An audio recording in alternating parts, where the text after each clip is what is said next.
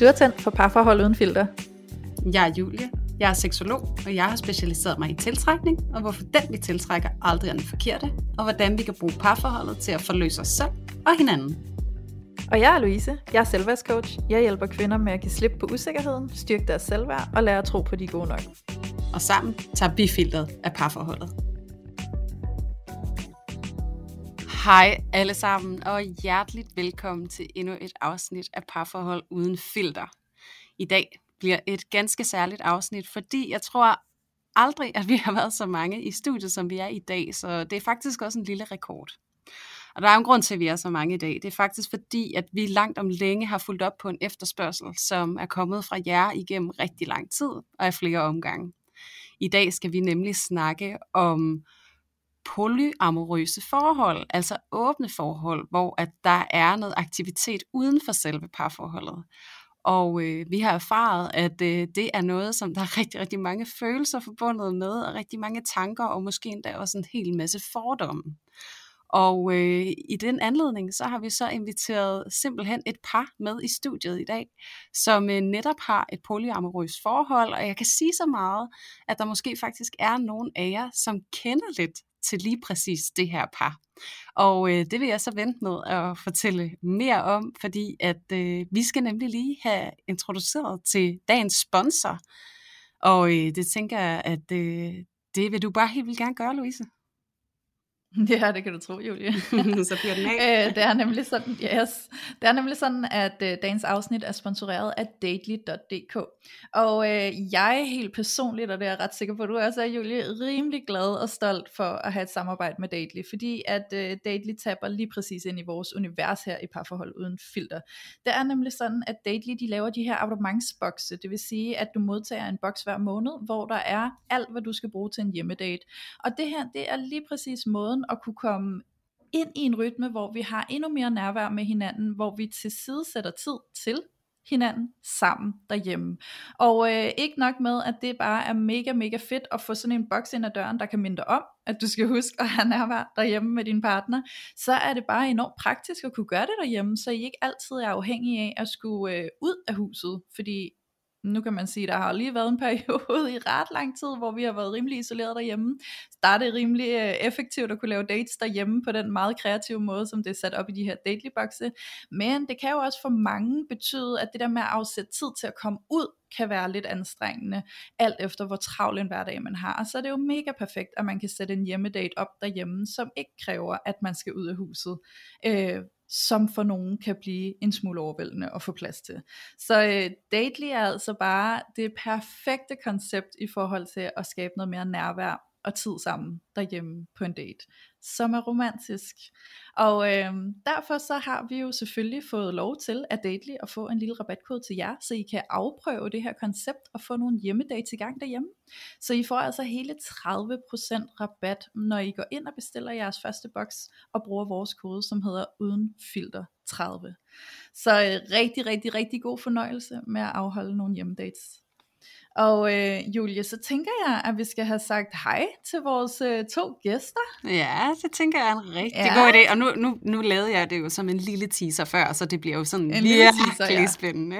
Fordi at det skal jo ikke være nogen hemmelighed, at vi har været så heldige at få fat i lidt nogle semi-celebrities her i podcasten. og det er jo fordi, at I har været med i det her DR3-program, som hedder Ku godt, må godt. Og jeg snakker jo selvfølgelig om jer to, Malu og Alex. Og hjertelig velkommen til jer. Mange tak. Tak for det.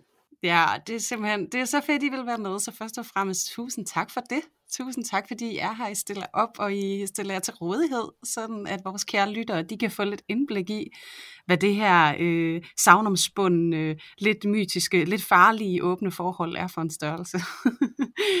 og, øh, og det ja. siger jeg jo selvfølgelig med ironi i stemmen, men, men jeg tror faktisk, at der er rigtig mange, der har det sådan med det åbne forhold.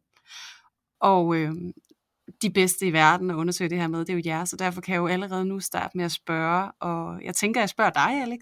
Øhm, ja. Hvad, øh, hvad vil dine øh, indledende øh, tanker være omkring det at have et åbent forhold? Hvad er det for dig, og hvorfor har du det? Ja, det er et godt spørgsmål. øhm, Øhm, det skal lige siges, at fra dengang tv-programmet kørte, der var det nyere for os, selvom vi stadigvæk dengang var ret rutineret i det. Mm. Øhm, I mellemtiden så har jeg haft et studie, der har fyldt rigtig meget min tid, så det har ikke været noget, der har været så meget op i mit, i mit ansigt, så at sige, som det har været før. Øhm, men for mig er det sådan på daglig basis en, som sagt, en efter, altså efterhånden normal ting. Øhm, jeg tror altid, man kan blive bedre til det, og det er fordi, det åbne parforhold for mig, det er det her med, at man, altså det her med, at du får ligesom dig selv op. Min, min indstilling til et, et, et hvert forhold har altid været, at når din partner siger eller gør noget, så er det ofte en god idé at lige at vende ind af først, og så se på, er det nu modparten, den er gal med, eller er det en selv? Og jeg synes ofte, at det der er svært ved et parforhold, selvfølgelig også på en anden måde, det er jo så, at, at, at man ligesom er spejle over for hinanden. Så altså, man vil ofte høre den der sætning med, at jeg tror, det hedder nissen flytter med. Så hvis man har et parforhold, og, og det går i stykker på den måde, så kan det jo være, at den næste partner, man får, vil man opleve de samme ting. Og det vil så være, fordi det faktisk er noget ved en selv, man ligesom kan eller skal ændre på. Så, så for mig er åbent parforhold det der med, at man er lydhør over for hinanden, og hvis man kan, hvis man er virkelig god, en virkelig god kommunikatør, øh, altså virkelig god til at kommunikere med sin partner, så vil det blive meget nemmere. Men hvis der er noget slinger i valsen der, og man ikke er fuldstændig bundærlig, så vil det bundfeste sig et eller andet sted på et tidspunkt. Øh, så det skal man være opmærksom på hele tiden. Så, øh, så for mig er det den her med, altså at man, altså en, en, en, en, en jeg vil sige, en, en turbo, turbo måde at leve sit liv på, for at skulle se på, hvor øhm, autentiske liv man kan leve, tror jeg. Hvis det giver nogen mening. Giver det mening?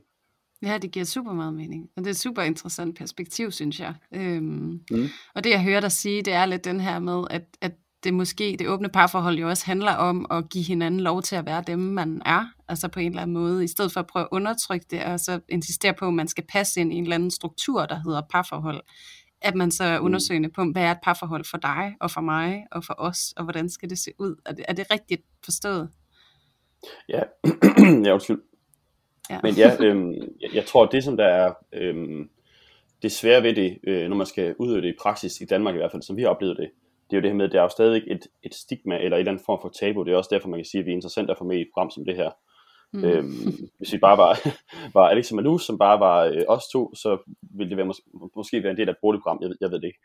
Øhm, så, så man skal være opmærksom på, at jeg tror, når man står udenfor, udefra, og man hører om åbent parforhold, altså jeg havde det selv sådan, så tænker man, det er på den måde, ligesom man tænker, at et lukket parforhold, det er på den måde, så der er nogle andre parametre, men det kan jo være lige så altså, øh, divers som alle andre øh, måder at skulle leve sit liv på. Så jeg tror, man skal tænke for sig selv, når man hører om åbent parforhold, så tænker man, jeg ved ikke noget om det, fordi altså en ting er, at man, hvis alle ens venner eller bekendte udøver det, så ved du stadig ikke noget om det, fordi at du er dig, og din partner vil være en anden. Øhm, mm. Og de der regler, man kan sætte op for sig selv, er mere øhm, altså er flere, end hvis man havde et, et, et helt monogamt parforhold. Ja. Mm. Mega spændende. Tusind tak for den øh, introduktion. Øhm, mm. Og nu kunne jeg jo også rigtig godt tænke mig at øh, springe videre og høre dig, Malu. Tilsvarende, hvad er et åbent parforhold for dig? Jamen det er sjovt, fordi i, både i forbindelse med programmet og så efterfølgende interviews, der er jeg blevet spurgt rigtig mange gange om, hvorfor øh, i gåsøjne, at jeg har behov for at have flere partnere. Mm. Øhm, og jeg har haft lidt svært ved lige at, sådan at sætte fingeren på det, fordi at, øh, jeg har egentlig oplevet det meget gnidningsfrit på mange punkter. Øh, ja, men jeg er simpelthen kommet frem til, at for mig betyder det også, at jeg får flere meget øh, nære relationer ind i mit liv. Altså jeg har ikke øh, så stærkt et familiebånd, så det her med at have en mand, Alex, som jeg bor med, og så have en, en kæreste aktiv ved siden af, som jeg ser super meget, det er enormt, øh, altså den familiefølelse, man kan have med en kæreste eller en ægtefælle, får jeg ligesom udvidet lidt. Altså på den måde, så er der ligesom plads til det i mit liv, fordi at jeg ikke har så meget familie. Giver det mening? Mm. Ja, ja det giver super meget mening. Øhm, og jeg kunne godt tænke mig også at høre dig, Louise. Nu sidder du også bare og får lov til at observere og lytte med og sådan noget. Men øhm, hvad, hvad tænker du om det her, som vi nu lige har hørt Alex og Malou fortælle om et åbent forhold? Hvad sidder du med? For jeg ved, du sidder og tænker tusind ting. Det gør du altid. Jamen, mest af, jo, det gør jeg altid, men mest af lige nu, der sidder jeg bare sådan og suger til mig og observerer, og sådan er vildt nysgerrig, og det startede jeg egentlig også med at sige, inden vi gik i gang med optagelserne, at jeg har glædet mig særligt meget til det her afsnit i dag, og til at møde jer to og høre, øh, hvordan det er for jer at være i det her åbne forhold, og virkelig få den her indsigt, og det tænker jeg også, at der er rigtig mange af vores lyttere, der er sindssygt nysgerrige på. Selv dem, som ved, at åbne parforhold ikke er noget for dem, men som bare vil gerne vil komme til at forstå det, og få et indblik i det, fordi det er præcis sådan, jeg selv har det. Øhm, jeg har, så længe jeg kan huske, haft det meget ambivalent med konceptet af åbne parforhold, og har kunne mærke, at hvis jeg sådan er stødt på det, så får jeg sådan en øhm, næsten fysisk reaktion, fordi mine følelser bliver påvirket på en eller anden måde. Ikke? Og jeg tror, det er fordi, at der vækker sig nogle, nogle små sår, og øh, traumer inde i mig, der bliver prikket til på en eller anden måde. Ikke? Altså, og det er jo sindssygt spændende at komme ind og mærke, hvad er det i virkeligheden, jeg bliver øh, skræmt af, fordi jeg tror, det, det, det, jeg tror, det er det, jeg bliver ramt af. Ikke? Det er sådan en eller anden form for frygt for ikke at være tryg, eller for ikke at være elsket, eller for at være valgt fra, hvis jeg bliver delt, eller øh, skal dele, og sådan nogle ting. Så, så det er sådan sindssygt spændende, synes jeg, at komme i berøring med. Og jeg tror også, at mange af de fordomme, vi møder derude, det handler jo rigtig meget om personen, der stiller fordommen. Ikke? Øhm, og så er der jo også det der typisk sker i et kollektiv, i et samfund, det er jo, at jo flere vi er, der har en eller anden form for fordom om noget, så bliver det sådan en lidt større bekræftet fordom, ikke? som vi alle sammen implicit bare øh, går lidt med på. Ikke?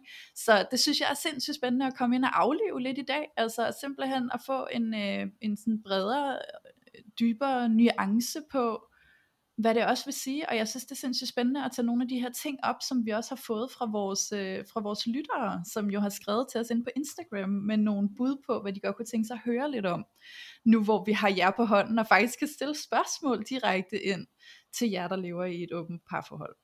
Øhm, og øh, med din tilladelse, Julie, så vil jeg egentlig lige starte med at lægge ud med det, de spørgsmål, der er kommet.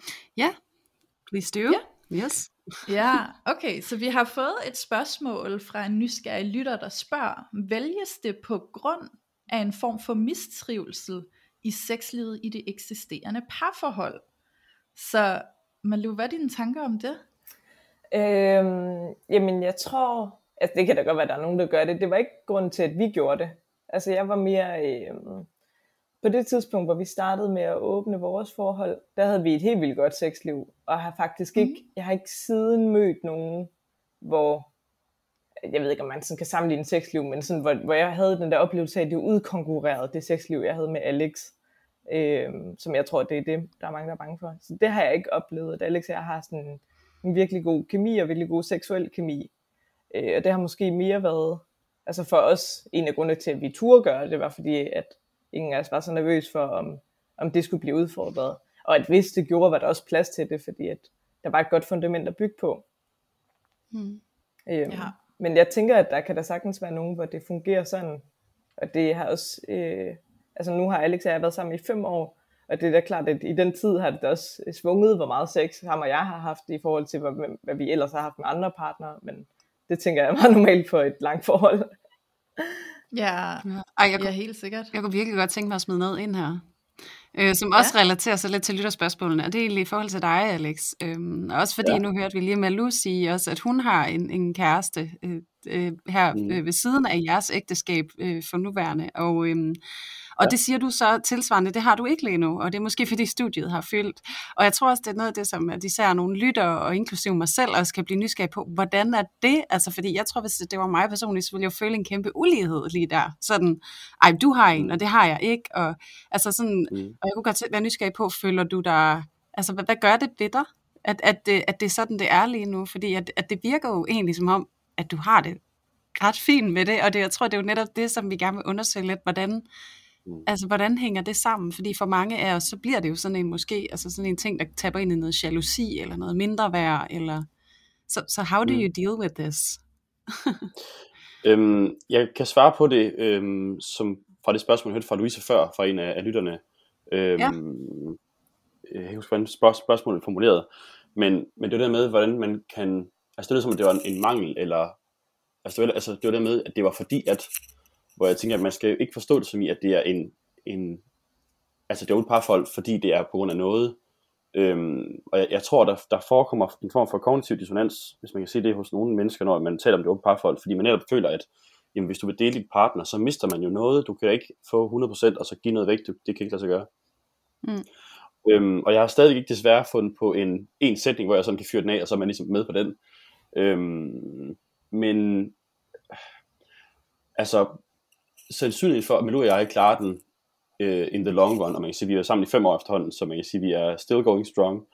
Øhm, den er jo lige så stor eller lille som alle andre parforhold. Øhm, men for mig, der har jeg aldrig tvivlet så lidt på, altså, altså jeg er virkelig, virkelig sikker på hende. Øhm, så altså, det er en aftale, vi har lavet, og i det så ligger der ikke det her med, at altså, jalousi begrebet ligger ikke inde i vores parforhold, som det vil gøre normalt, hvor at hun pludselig kan komme til mig og sige, åh, jeg har mødt ham her fyren, øhm, vi har kendt hinanden i seks måneder, øh, vi ses efter dem, jeg flytter fra dig et eller andet, du ved. Øhm, der er større sandsynlighed for, at vi kan åbne os op for hinanden, inden de ting sker, fordi vi har de samme problemer som alle andre parforhold.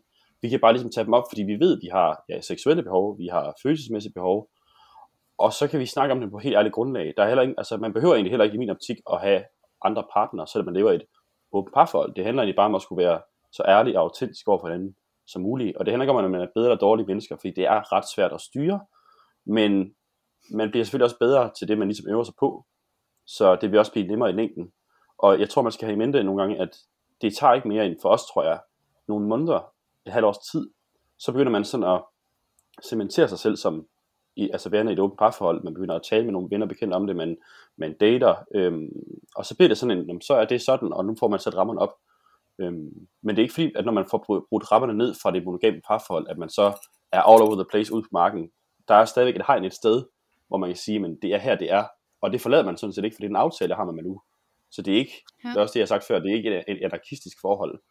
Det handler bare om, at man ligesom er opmærksom på hinanden på den måde, og man behøver ikke at have andre partnere som sådan. Altså det er ikke, det er bare noget, vi kan tillade os at gøre, fordi at, at vi, altså det kan vi gøre, fordi jeg, får ikke, jeg mister ikke noget for mig nu, hvis hun gerne vil se en anden, og hun kommer jo hjem igen, og hvis hun ikke gør det, så går der måske nogle dage, og så tælles vi videre, hvad vi er. Det er aldrig sket, men, men vi taler om det, og det er så vigtigt at tale. Altså, jeg har aldrig snakket så meget i mit liv.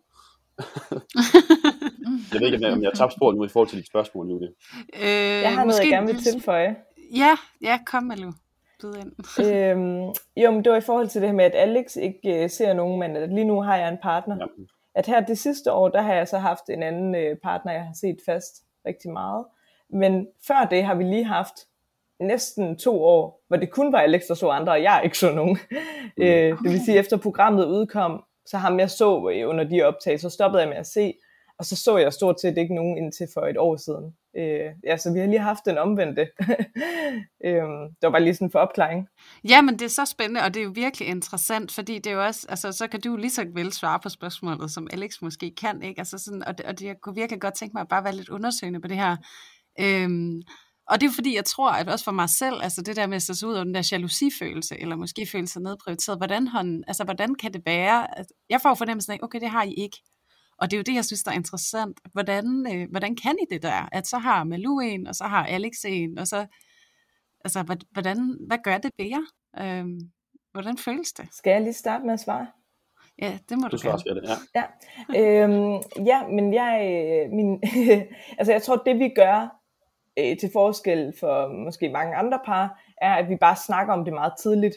Øh, det burde alle par måske egentlig også bare gøre, men det her med, at øh, lige så snart en af os føler den første snært af jalousi eller usikkerhed på hinanden, er det jo også bare ofte, eller man er i tvivl om, hvad er det, hvilken retning bevæger vi os nu, eller hvad har jeg der lige, så snakker vi om det, og øh, bare siger helt ærligt, hvordan vi har det.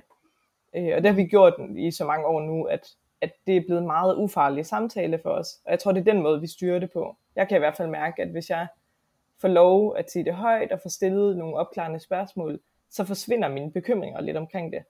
Også mm. fordi, at øh, i hvert fald for mit vedkommende, så er det ofte meget mere usikkert og meget mere vanvittigt i mit hoved, end det er i virkeligheden. øh, mm.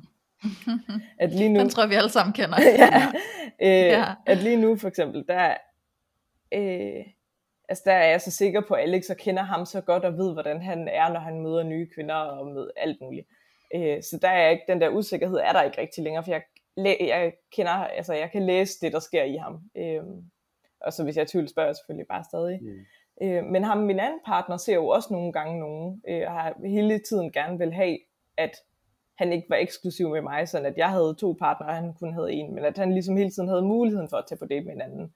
Og det har han så gjort øh, sådan sporadisk her i løbet af det sidste år.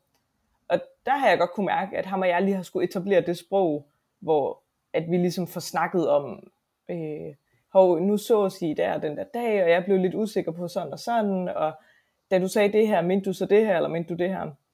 Øh, og nu er der gået et år med ham, og han har set nogle forskellige stykker, det er så, der er ingen af dem, der er blevet sådan mere faste, men fordi vi har været igennem det nogle gange, kan jeg allerede mærke nu, at det bliver en mindre kompliceret samtale, og mindre farlig samtale, hvor det bliver sådan, åh, skal vi snakke om det igen, og samtaler, der bliver super lange, men at det bare kan blive sådan en hurtig opklarende samtale, og så øh, kan vi lige justere os ind på hinanden igen, når der kommer et nyt element ind, og, øh, og rykker lidt rundt på spillereglerne. Ja. Der er virkelig noget, jeg rigtig godt kunne tænke mig at udlede af det her, og det er noget, jeg har observeret indtil nu, og det er måske, hvis vi skal lave sådan nogle opsamlingspunkter i den her undersøgelse af det åbne forhold, så tror jeg, at det her, det, det er et af dem, jeg i hvert fald har opsnappet indtil nu, og det er jo, at det virker på mig som om, at de virkelig sådan stræber efter at få det sorte bælte i kommunikation, ikke?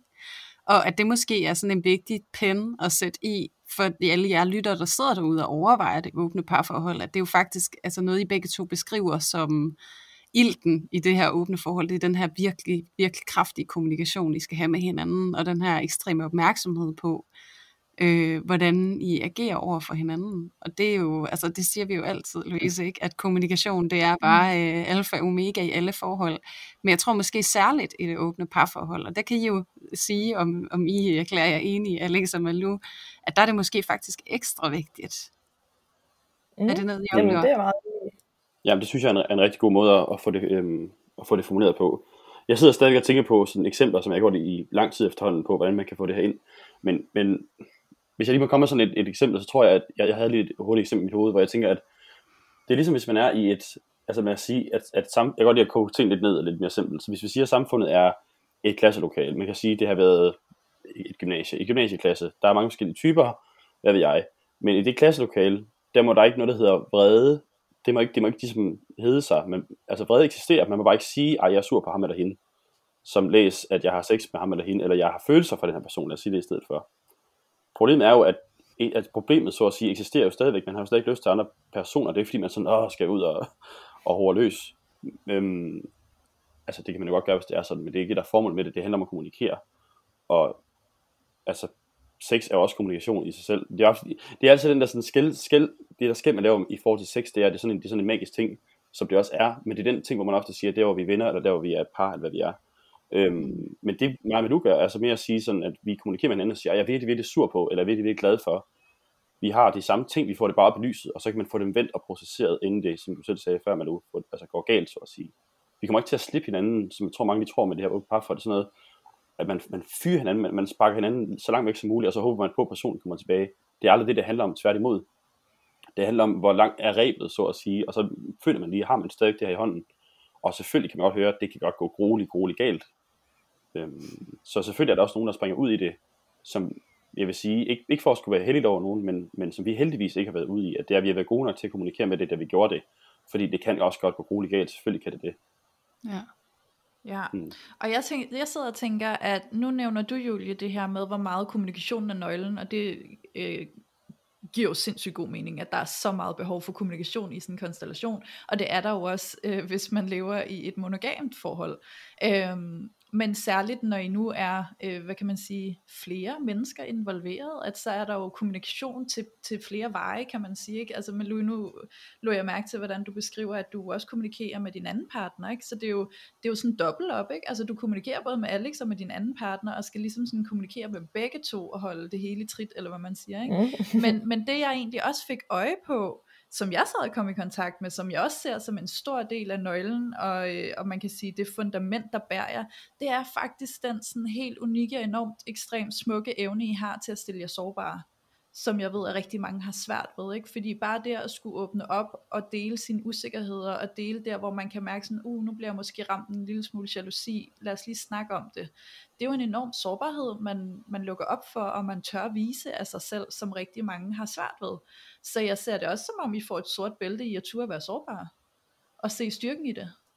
Hvad, hvad tænker I om det? Jamen det er jeg meget øh, enig i. Det kan jeg i hvert fald mærke, at det er noget, jeg er blevet meget tryg i at gøre her, siden jeg mødte Alex. Men mm. Alex har også bare været fantastisk til at gribe mig hver gang, jeg har været sådan, jeg bliver utryg, når du siger det her, eller jeg har brug for, at vi snakker om sådan og sådan. Så har Alex ja. bare været sådan, det er okay at føle sådan, følelser og kommunikation. Bare sig, hvordan du har det, og så har han holdt om mig. Så på den måde har det været så fint. Ja, Det lyder virkelig, virkelig ja fint. det er så fint. Jeg vil gerne lige Og, prøve at komme ind på det, hvis det er. Ja, Ja. ja gerne, Alex. Øhm, jamen det er fordi, jeg kan mærke til den sondring, du, øh, du laver, øhm, Louise, ved sårbarhed, at der tror jeg selvfølgelig at automatisk, du tænker svag, at der er noget i det, hvor man siger sårbar, det er ikke stærk. Øh, nej, altså jeg betragter ikke sårbarhed som værende svagt. Overhovedet ikke. Men det er så normativ for, det er en normativ forståelse faktisk, at mange anskuer sårbarhed Ja. som svaghed. Så, så, så, så, jeg tror jeg, det er mere sådan en kollektiv altså, konsensus, man har omkring, at sårbarhed, det er sådan noget, man helst skal undgå at være, fordi at det netop konnoterer med svaghed, og ikke fordi det er det, men simpelthen fordi det er sådan en normativ forståelse af det. Ja. Ja, så, så den sondring har du så lavet, Louise, så det er rigtig nok forstået, øh, Julia. Det er rigtigt, det er mere sådan i, i samfundet. Det var den, det var den vinkel, jeg Mm. troede, du talte fra. Øh, Louise. Og det kan selvfølgelig, det er, det så ikke som sådan, men jeg synes, hvis man skal lægge sårbarhed ud, der er også det, der hedder, altså grænsen mellem at skulle være øh, modig og være dum, er også nogle gange meget, meget hård og fin. Og, og man, går ikke, Ja. man går ikke ud i noget i parforhold, hvor man, hvor man tænker, altså ligesom med jalousifølelsen, jeg tror, grunden til, at man ikke får det ud, det er, at man tænker, at, altså jeg tror basically, når man har den følelse, er det er dumt, fordi du har ikke noget at bakke det op omkring. Det er bare, jeg er et lille svagt individ, der ikke kan forklare, hvorfor, og nu skal jeg trøstes. Og så, Mm. så det er klart, det siger man ikke til sin partner, det vil jeg heller ikke selv gøre. Det er fordi, jeg øhm, tror, jeg er et andet sted i mit hoved, om det så er sandt eller, eller forkert, det ved jeg ikke, men tænker, der er en grund til, at jeg har det på den måde her, jeg må hellere få det ud. Og så kan man nu Mm. hjælpe mig i det, ved at sige, men, altså mellem linjerne, så siger hun jo til mig, at du er ikke svag. Jeg lytter til dig, fordi jeg også har min egen Ja. svagheder her i det. Og så mødes man jo og siger sådan, jamen, jeg ved heller ikke, hvad, hvad livet går ud på. Kan vi ikke bare gå den her vej sammen? Så det lyder som en god idé. Frem for at være sådan, Ja. åh, hvor, øh, skoven, og der, der bliver mørkt nu, og, og jeg har ikke den der sårbarhed ud. At, at, men selvfølgelig kræver det også, at man lægger, altså, man lægger tingene lidt langsomt ud, så man ikke bare, altså, det ved vi jo selv, hvis vi har siddet i selskaber, der er nogen, der ligesom, altså, øh, overbasonerer, eller udbasonerer noget, hvor man er sådan, okay, jeg ved alt om, om dig lige nu, det er også sådan, det kan også godt være et svaghedstegn, på den måde bare lægge det hele ud, fordi man ikke ved, hvor det bliver lagt hen af, og det bliver sådan lidt opmærksomhedsting. Så der, er- der er sådan nogle sondringer, man skal lave i det, apropos kommunikation, vi talte om før. Ja. Ja. Ja, og tak for, øh, tak for det, Alex. Og jeg tænker sådan, jeg har lige et spørgsmål, Julie, jeg godt kunne tænke mig at få ind. Øhm, som jeg også har set, at der er kommet ind i vores øh, spørgeboble på Instagram for lytterne. Og det er jo, altså apropos kommunikation, hvor starter samtalen om at danne et åbent parforhold? Altså, hvor, altså for jer to eksempelvis, så er jeg sindssygt nysgerrig på, sådan, hvordan så det ud for jer at åbne den samtale med hinanden? Og øh, er der nogen af jer, der har haft et åbent parforhold, i, altså før I mødte hinanden, som I ligesom kunne referere til at sige, du skal bare lige vide, at, at jeg kan godt lide at have et åbent parforhold, og så den anden sagde, nå fedt nok, det er jeg også nysgerrig på. Eller sådan, hvordan har det set ud for jer, og i talesæt det her med gerne, og ville have en relation, hvor det er et åbent parforhold? Øhm, jamen, jeg har lidt eksperimenteret med det før, øh, med en ekskæreste helt tilbage i år 2010 eller 11. Nej, det har nok været 2011. Øh, det var inden der var viden i samfundet om det. Altså, sådan, det var jo enormt svært at opsøge viden omkring det. Øhm, men ja, det forhold sluttede så, det havde egentlig ikke noget med det åbne parforhold at gøre, men fordi han flyttede til København og ville have børn og ville noget andet, end jeg ville på det tidspunkt. Jeg var 17 eller 18. Ja. Øhm, men øh, da jeg så mødte Alex, så snakkede jeg bare med ham om, at jeg synes, at det lød ret fedt. Det var allerede på første date, vi snakkede om det. Og så, øh, som jeg husker det, så fik Alex bare julelys i øjnene, og var meget sådan, og det lyder godt, lad os snakke noget mere om det. Øh, så på den måde var det jo øh, lidt en ufarlig samtale, fordi vi ikke engang havde en relation der. Vi snakkede bare om, sådan, hvordan skulle det være. Og så har det jo udviklet sig meget. Jeg tror, jeg havde en idé om, at det var noget, vi kunne gøre med tiden, eller når vi havde været sammen i 20 år, eller øh, det var noget, vi kunne gøre mere sådan, øh, at det var mere seksuelt orienteret, eller mere, hvis man var i byen uden sin partner, så må man godt kysse med hinanden, eller du ved, sådan og sådan. Øh, hvor det, i hvert fald for mit vedkommende, er blevet meget mere polyamorøst i forhold til sådan åben forhold -agtigt. At det, det er meget mere langvarige relationer, jeg har ved siden af, og det tror jeg ikke var det, jeg oprindeligt havde tænkt, øh, var det, jeg egentlig søgte, men det har jeg jo så fundet ud af, at det var. Og så har det også ja, taget noget tid for Alex, og øh, ej, det må han nok selv beskrive, men i forhold til at finde ud af, hvad er det egentlig, man søger ved siden af, øh, og der tog det lige noget tid for os at finde ud af, at det vi søgte ved siden af, ikke var det samme. Ja. Mm. Ja, spændende. Alex, vil du ikke komme ind på det? Jo. Øhm, jamen jeg sidder og tænker på, for mig var det to ting. Og den ene ting, jeg tror, det gør, at det har fungeret øhm, for Melu og jeg, det er, at vi har ikke siddet, det var sådan et skrækscenarie, jeg havde for mig selv, inden jeg, jeg sådan hørte om det, Øhm, det er, at man sidder den her lørdag aften, og man er x antal år, måneder, uger inde i forholdet, og så den ene ligger pludselig fjernbetjening, hvad ved jeg, og siger, øh, hvad, hvad med naboen, er, er han, hun ikke rimelig, og så, og så er det bare, hvad er det du siger, og man skal til at, at sælge hunden og kaninen, hvad ved jeg. Øhm, jeg tror, fordelen for mig nu jeg var, at der var ikke et følelsesmæssigt, øh, hvad kan man sige, øhm, altså der var ikke noget, vi kunne tabe for hinanden på det tidspunkt, fordi vi fik det åbnet over for hinanden, før vi egentlig gik ind i en, en meget dybere relation. Så for os var det øh, lidt frit, og vi kunne ikke rigtig tabe noget på det på det tidspunkt. Så vi fik det ligesom talt igennem. Vi mødte hinanden igennem et skoleprojekt, og der kunne vi ligesom bare snakke om vores privatliv på den måde. Så der var ikke noget emotionelt tab ved, at hun skulle sige eller noget om det. Så det var den ene ting, det var, at det var nemt for os at skulle tap into it, fordi vi ligesom mødte hinanden på det grundlag, vi var, altså vi så muligheder i et parforhold, og så skete det så bare, at vi kom så i et parforhold senere hen. Det er jo så bare det, altså, som, som vi jo ikke vidste på det tidspunkt, hvad det ville, hvad det ville føre med sig. Så det var sådan, hvordan man starter det åbne parforhold, det er vigtigt, hvordan man ligesom får gjort det, øh, som var nemt for os, og som vi har behøvet at tage stilling til. Øh, så det er sådan den ene ting i det. Øh, den anden ting i det for mig var, at som du også selv siger, nu, det er, at vi har gjort det på to forskellige grundlag. Øhm, Øhm, Manu, hun er min anden, tredje, fjerde kæreste og sådan noget, men jeg har haft selvfølgelig øh, skiftende forhold til andre kvinder øh, imellem det selvfølgelig. Og der er min erfaring fra det ofte sagt til mig, at når jeg har følelser for nogen, så er det sjældent bare mere end et halvt år til et år. Et år er lang tid, jeg vil sige et halvt år sådan et gennemsnit, og det har jeg hørt mange andre også sige. Så der er også den her sondring i, at man er forelsket, og det vidste jeg bare på det tidspunkt, at det ville ligesom fortabe sig, det ville forsvinde på et tidspunkt. Øhm, jeg vil gerne have det fortsat for evigt, men sådan er det bare desværre ikke. Øhm, så jeg, jeg var ikke så bange for, at Madhu hun skulle falde hovedkuls over nogen, fordi at jeg tænker, hvis hun er altså forelsket i ham i de næste fem år, så skal det være dem. Det er jo fuldstændig vanvittigt, så hvis det er sådan. Og så, må man, og så kommer det jo ikke lige pludselig, så kommer hun ikke, hvor hun har en affære og siger, at jeg er sammen med ham i fem år. Jeg har vidst hele tiden, så, og det er så ligesom, så er man ligesom blevet kørt ud af det, tror jeg på en måde. Det ved jeg ikke, det vil jeg ikke prøve. Men der er forelskelsen, som er det ustyrlige, og som er det farlige. Men man skal også vide, det stopper på et tidspunkt. Du kan ikke være forelsket i nogen, det tror jeg ikke på, i 10 år eller 100 år, det ved jeg ikke. Mm. Øhm, men for mig har det her med, med, med kvinderne været en, sige sådan en, en emotionel ventil for mig, fordi jeg har været et sted i mit liv, hvor øh, at det meget var sådan macho præget, og sådan, og, altså jeg har vidderligt hørt nærmest mænd at sige, som skal bare nærmest, altså, ikke slå hende, man skal bare sige, at hun ikke, hun skal ikke, øhm, hun skal ikke føle sig som om hun er noget eller andet, du ved, og, og, og hvor man tænker, det er underligt, jeg har en lille søster, jeg tror ikke hun altså, kan hun godt lide det, har jeg jo tænkt sådan, altså man vokser op i sin teenage og tænker, det er lidt underligt. Øhm, så for mig har jeg mange gange søgt kvinderne, fordi jeg synes, at der var, og det er måske lidt sexistisk sagt, men, men der er lidt mere, der er lidt flere brækker hos den gængse kvinde, der er hos den gængse mand, og det må man ikke sige, skrive i stedet omvendt. Men, men, men det har jeg ofte følt, at, at, at kvinder, der har modtaget mig bedre, bedre i mit emotionelle liv, end, end mænd har gjort. Så for mig har det været sådan en emotionel ventil, og så er jeg også bare rigtig kvindeglad. Så det har været sådan, hey, alle vinder, og jeg kan tale med min kæreste om det. Det lyder som en dejlig frihed. Ja. ja. Men det lyder også som en, ja. altså, en lidt overvældende frihed, når jeg sådan sidder og lytter. Altså jeg kan mærke, at jeg bliver sådan helt altså, knugende i maven, sådan tanken om at skulle leve det forhold, I har. Og det ved jeg jo godt, at det er super meget altså, mm. personlige årsager. Det er jo ikke noget med forholdet i sig selv at gøre.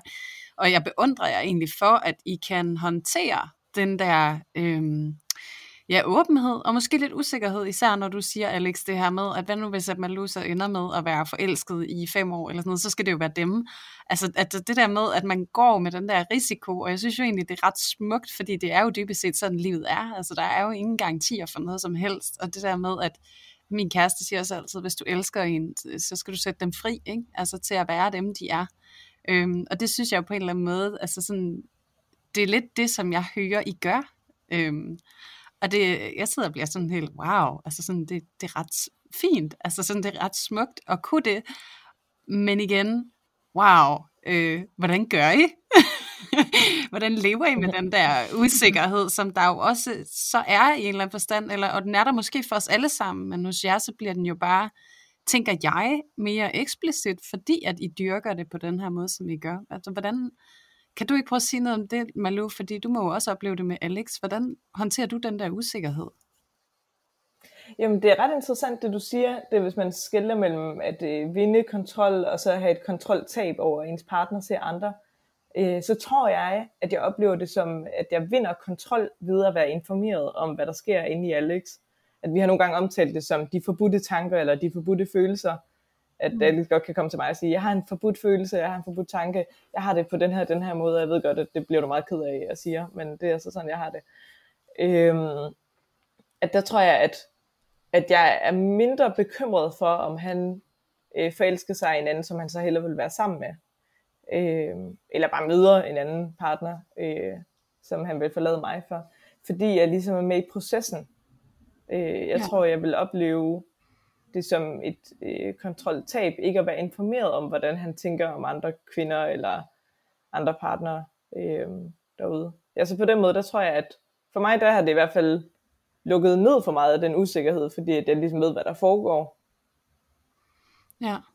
Og det vil heller ikke være sådan et, mm. hvor han pludselig kommer og siger, forresten, jeg har mødt en anden, så jeg skrider nu. Bye bye. Altså, det vil, jeg vil ligesom på en eller anden måde kunne være med i den proces, og det tror jeg, jeg føler en meget stor øh, tryghed ved.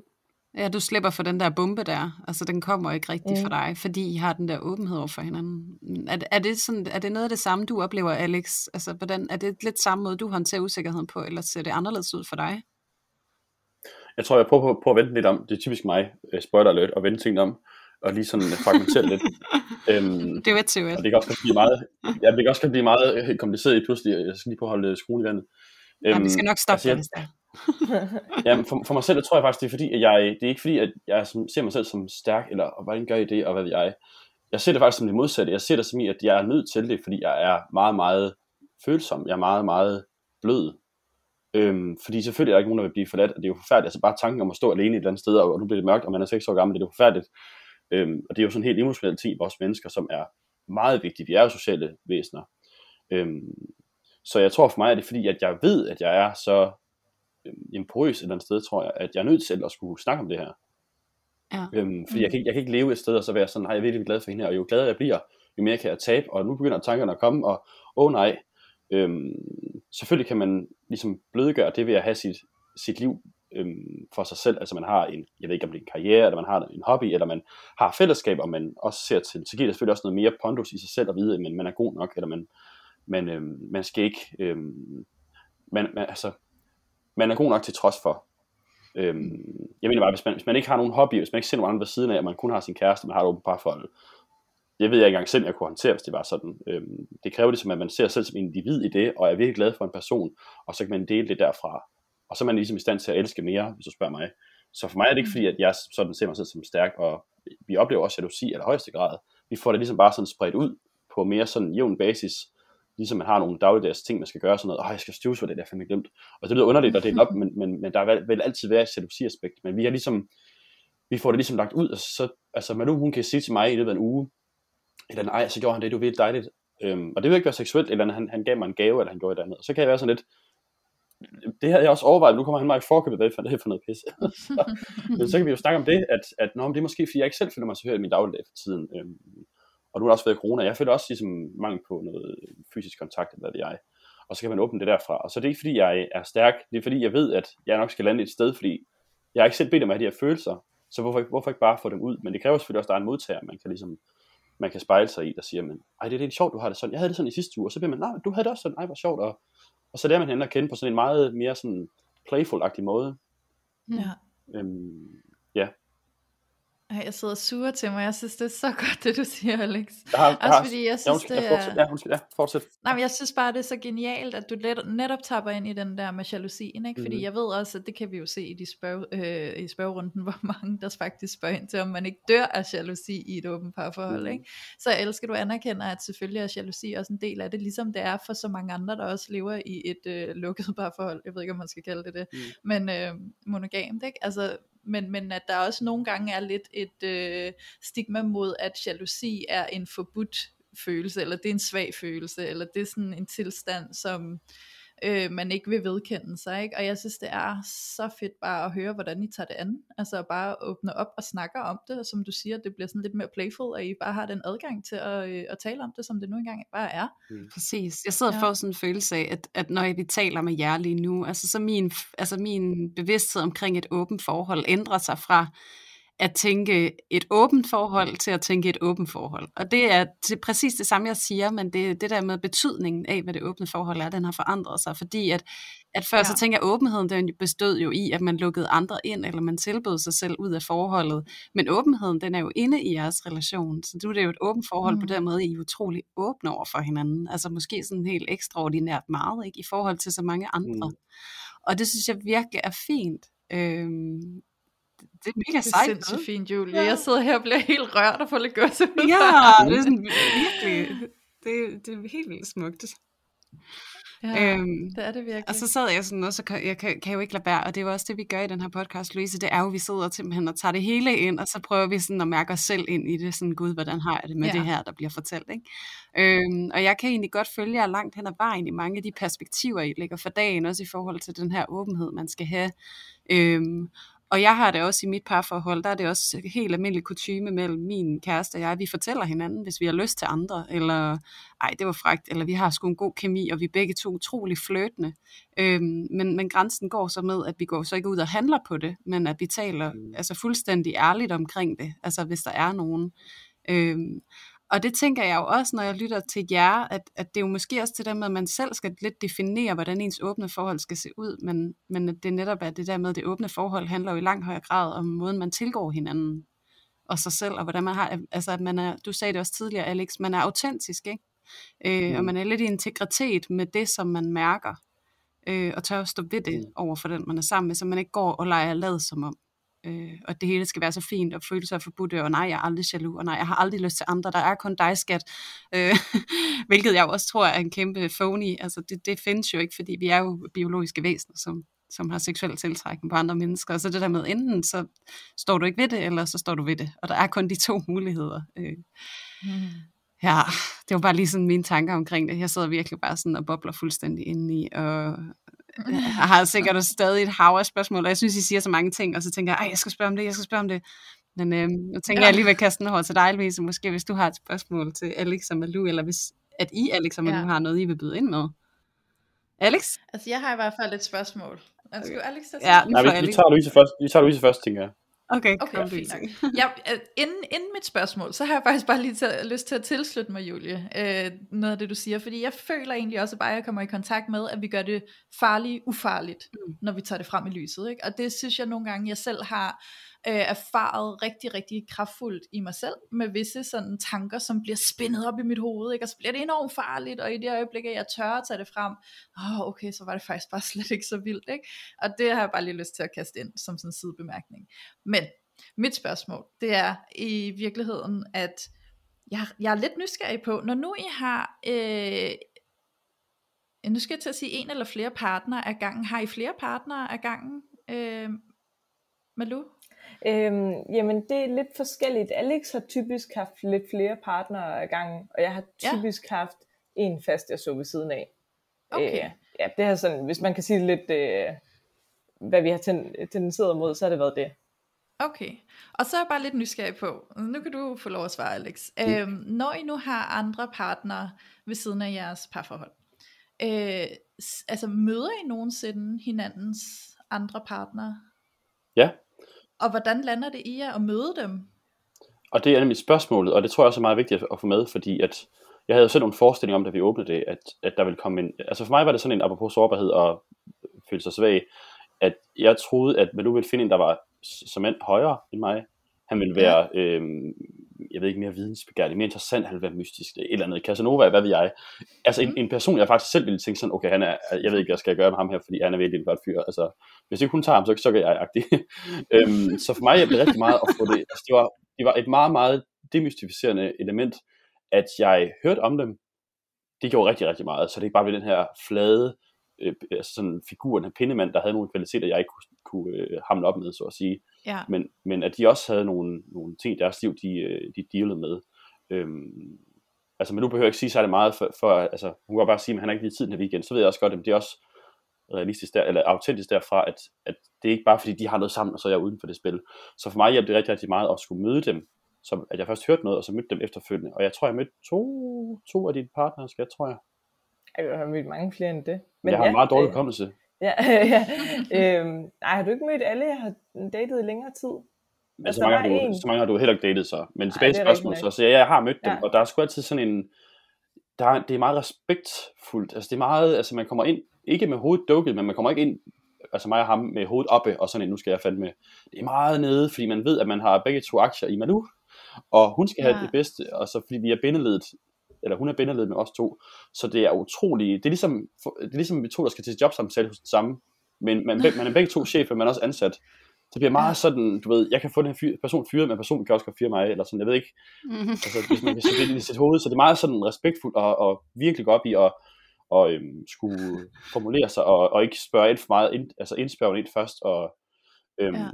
og som mand, og som kvinde selvfølgelig, men nu er jeg kun talt for mig selv, så for mig er det meget det med, at jeg ved, at de vil fandme gerne behandle hende ordentligt, altså også fordi, så får man ligesom endelig øh, anskueliggjort den person, man står for, og sådan, okay, hvis jeg laver noget med hende her, ikke fordi det skal være sådan noget, nu kan jeg ikke stå hende øv, men, men, men, det er sådan en, okay, der er fyren bagved, ser jeg igennem hendes kærester omvendt, og så, så ved jeg jo selv, når man møder folk, altså når man møder altså fremmede ude i byen og til fester, så er det noget helt andet, for når man kommer ind i rummet, til man sætter sig ned og siger, jamen du hedder Henrik, nå, men du kører boligskøjter, nå, frem for det ja. bare den her grå masse.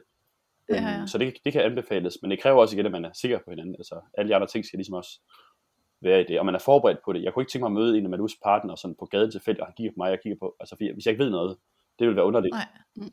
ja. ja. Ja, okay. Ej, sindssygt spændende. Hvad med dig, Malu? Øhm, jo, men jeg tror, jeg har mødt øh, langt de fleste af dem, Alex har set mere end en gang. Altså sådan, det er klart, hvis vi bare lige har været på date med hinanden, så har det ikke lige været sådan, og nu skal du møde min mand.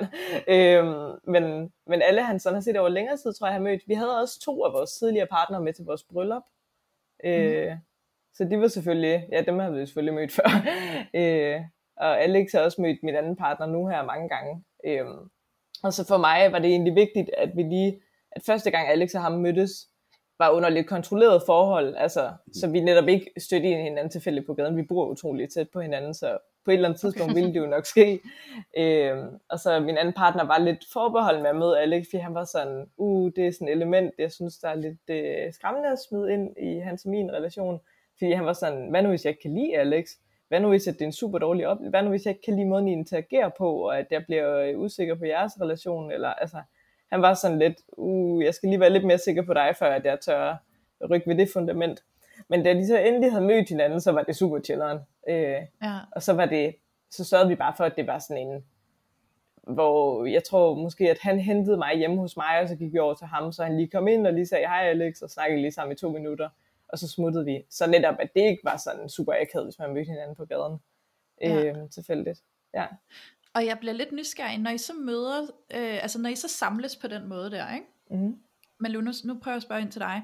Øh, når du så sidder der både med Alex og din anden partner i samme rum, er du så sådan affectionate med dem begge to, eller bliver du mere sådan, nu er jeg bare neutral her imellem jer? Altså jeg tror, jeg har nemmest ved at agere meget neutralt. Øh, men den aftale, jeg typisk har haft med min anden partner, har været, at når vi er der alle tre, så er jeg Alexis hustru. Og okay. så er det sådan der. Og det er simpelthen fordi, jeg tror, det, det er i hvert fald noget, de typisk har efterspurgt, for det er det, der for dem at agere i. Ja. Øh, at de så bare er en ven i den øh, rolle, sådan at man ikke pludselig står og er sådan, øh, hvad skal der ske? Ja, Men ja. for nylig var vi ude at klatre, hvor det tilfældigt var, Alex og jeg var ude at klatre med min bror, og så tilfældigt dukkede øh, min anden partner op med nogle af hans andre venner. Okay. øhm, Som jeg så har, var jeg før. Har ham ja. før. Ja. Øh, og så pludselig var jeg sådan, okay, men nu ved jeg jo så, at det er en situation, hvor ham her, min anden partner, har efterspurgt, at jeg er Alex's hustru i den her sammenhæng. Øh, men så var det også sådan lidt, når man skal lige gå hen, skal min bror lige hen og sige, hej, hvordan gør vi det, og sådan noget, for det er super mærkeligt, når man går rundt i sådan et klatrecenter, hvis vi pludselig drejer hjørnet, og så står han der, og jeg står med min bror, altså sådan, jeg tænkte, det er lettere, at nu siger jeg lige til min bror, hey, kan du huske, jeg fortalte dig om, at jeg har set ham her, den anden fyr, det sidste år, han er herovre nu, skal vi lige hurtigt gå hen og sige hej, og så ja. gjorde vi det, og så sagde de lige hej, og så gik min bror og jeg videre og klatrede, og så kom Alex øh, kvarter efter, eller sådan noget. Ja, okay. Og så var det egentlig øh, hyggeligt nok. Altså, jeg, mit indtryk er, det kan du nok bedre svare på, Alex, men mit indtryk er, at dig og ham egentlig har det fint med hinanden, og mm. godt kan lide hinanden. Altså, det er ikke fordi, jeg har sådan behov for at blive bedste venner, men, men I kommer fint ud af det med hinanden, og vil gerne...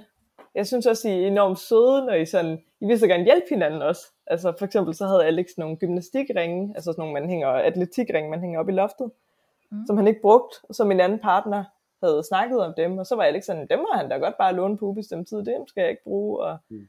ja, vi er sådan meget søde til at hjælpe hinanden, og vil gerne, øh, ja, Det synes jeg er virkelig fint. Hvis, hvis jeg virkelig skal være kritisk udefra, øhm, som seende for en, der slet ikke forstår par, parforhold, og så det her aspekt af, at nu der er to, altså det vil sige, der er mig og så Malus kæreste i samme rum, mm-hmm. så vil jeg sige, mm, hvad med jalousin, og, og hvorfor er de ikke bare sammen alle sammen der så, eller bare, hvorfor er det ikke, hvis de skal være så naturligt autentisk til hele, hvorfor kan I så ikke bare kysse, kysse på kryds og tværs? Det vil jo give god mening. Og det vil give god mening. Men vi ved ligesom i dag igen, at, at der kan jeg få en jalousifølelse selvfølgelig, hvis, hvis man nu og ham virkelig bare, altså get it on.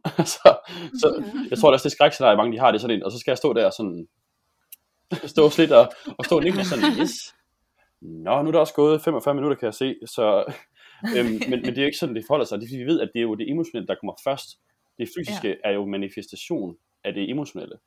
Ja. Øhm, og hvis man forsøger at bytte op på de to ting, jeg tror, det er det, der går galt i mange, dating, mange datingliv, øh, på, altså, nogle mænd vil måske gå ud, og så, det er jo sådan typisk det er ikke, altså med, at man hellere vil have sex først, og det er også, der er nogle biologiske ting ved det, der, der ikke kan sammenlignes mænd og kvinder der.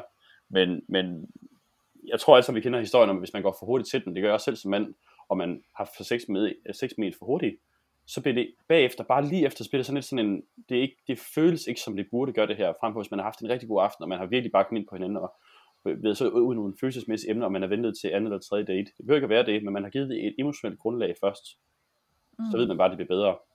Så i forhold til, når jeg er i samme rum med Malu og hendes partner, som vi var i klatreklubben på et tidspunkt, øhm, så ved vi bare, at det vil, ikke, det vil ikke være hensigtsmæssigt at skulle kysse på hinanden, eller vil du kysse ham og sådan, fordi det vil være sådan en up in your face, så vil være mm. fint, men det vil være mere sådan en, det, det vil være mere sådan en, jamen hvis man nu fysisk, altså hvis de bare står og krammer hinanden, så kan jeg jo ikke stå i det. Altså så det bliver sådan en begrænsning, så det fysiske er, en begrænsning på det. Så selvfølgelig kan man godt blive jaloux over det, men det handler om det emotionelle, så der er ingen grund til at skulle gøre det, fordi at det betyder ikke bare, fordi hun står og holder om ham, og hun synes langt bedre om ham, eller nu skal jeg lige gå ud af lokalet. Det bliver bare uhensigtsmæssigt. Det er ligesom, jeg går heller ikke ind i lokalet og siger, det er det mine to venner, og alle andre hader jeg. Det giver ikke mening, men jeg ved godt, det er mine venner, og jeg kender ikke andre, det betyder ikke, at jeg hader jer. Altså sådan, nu, nu er jeg bare de venner med jer, nu sidder jeg og snakker her. Altså, ja. det betyder ikke, at jeg kan være med alle andre, men, men man har også kun en samtale en gang. Du kan ikke have en samtale med fem på samme tid. Nej. Mm. Så hvis man virkelig skal gå til den derfra, så er det derfor, vi gør det på den måde. Så jeg oplever ikke, at, at man nu er seksuelt med, når jeg kommer hjem i pludselig. Så det er sådan, jeg kan lige give mig noget vand, jeg, har, jeg er tørstig. Det er ikke sådan, det er. Det vil være for sindssygt. Ja. Øhm, ja. Jeg tror, man kan gøre det. Det tror jeg sagtens. Men så handler det om, at man igen får det for altså, taget ud, inden man så gør det. Men det er ikke sådan noget, vi gør, vi gør fordi at vi ligesom, vi gør det, altså det, det, det er en pragmatisk måde, og så adskille tingene på, og så gør det mere hensigtsmæssigt, hvis det ikke er nogen Man kan også ja. sige, der, vil ikke, altså, der er jo ikke to åbne forhold, der er ens på den måde. Altså noget af det, jeg jo også hører fra jer, altså det der med, for os, så har vi den her aftale.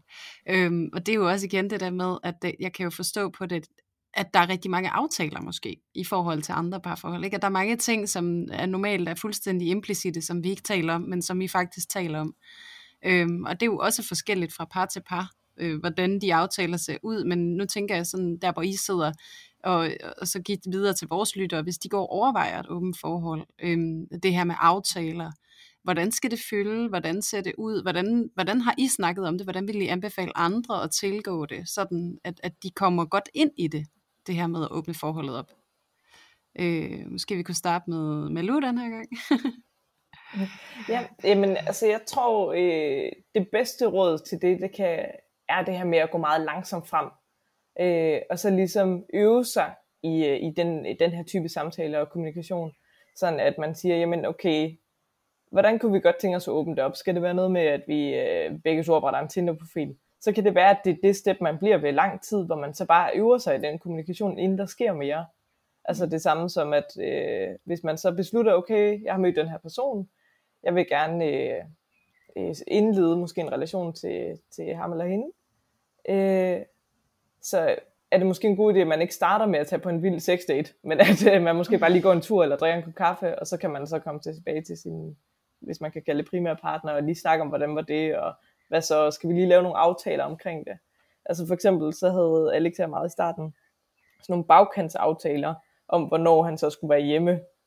Øh, også fordi jeg synes, det var meget rart at vide, sådan kommer han hjem og sover i nat, eller sådan, jeg havde meget svært i hvert fald, jeg havde generelt haft mange søvnproblemer, så jeg havde brug for, at vi ligesom havde nogle aftaler omkring det. Og med tiden har vi så fundet ud af, at det er enormt besværligt.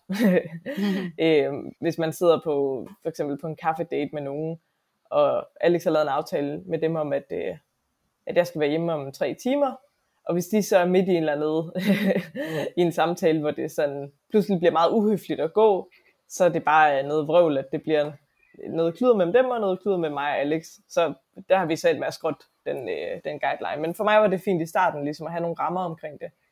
Øh, men ja, jeg tror mit bedste råd er, gå langsomt frem, og hvis man så laver en aftale, eller siger, nu er jeg klar til det her step, så må man også godt fortryde det, eller bare altså sådan sige, okay, jeg troede egentlig, jeg havde det fint med, at du drak øh, kaffe med men jeg kan mærke, det gør mig faktisk usikker. Lad os lige øh, stoppe op her og snakke lidt om det, inden, inden der sker mere. Øh, mm. Ja.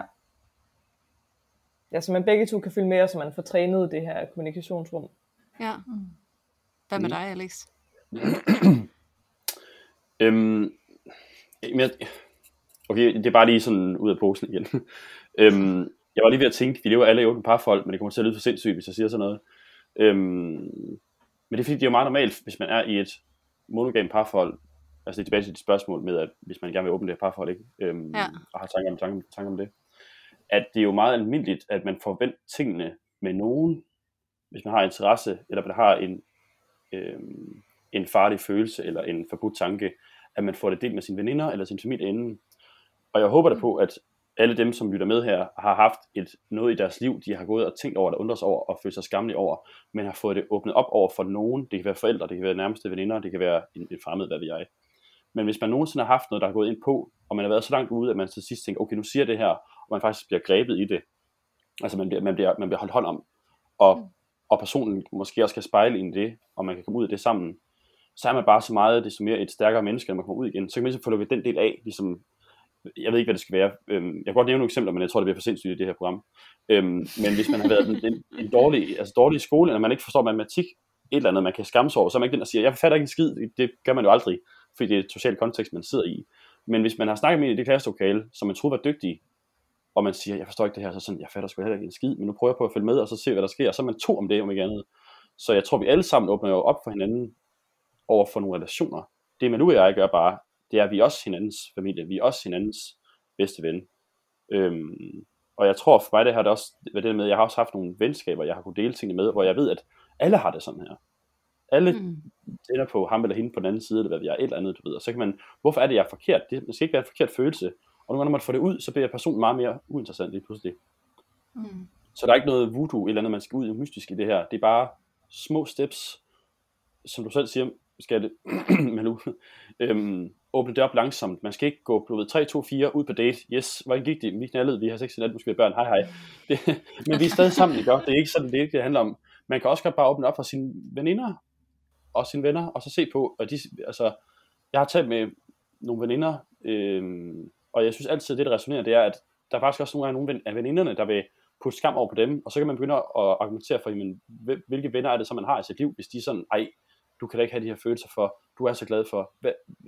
Det handler ikke om, at du skal løse problemet for mig, det handler om, at du skal lytte. Du skal ikke mm. løse problemet, du skal lytte, og så skal vi tage den sammen. Du skal ikke belære mig på den måde, da man tager den sammen, og så, hvorfor har du det sådan? Øhm, det er jo nogle af de største skuffelser, når man åbner noget op for nogen, man har nært og kært, og så bliver de sådan dømmende, fordi de ikke selv, de selv har noget, de ikke har bebrejdet derfra. Og så skal man ja. ikke føle skam over det, så skal man tænke, den her person har noget, de selv skal arbejde med. Og så kan man vælge at sige det til personen, eller trække sig lidt derfra. Ja. Fordi livet vil ramme os alle sammen alligevel i sidste ende.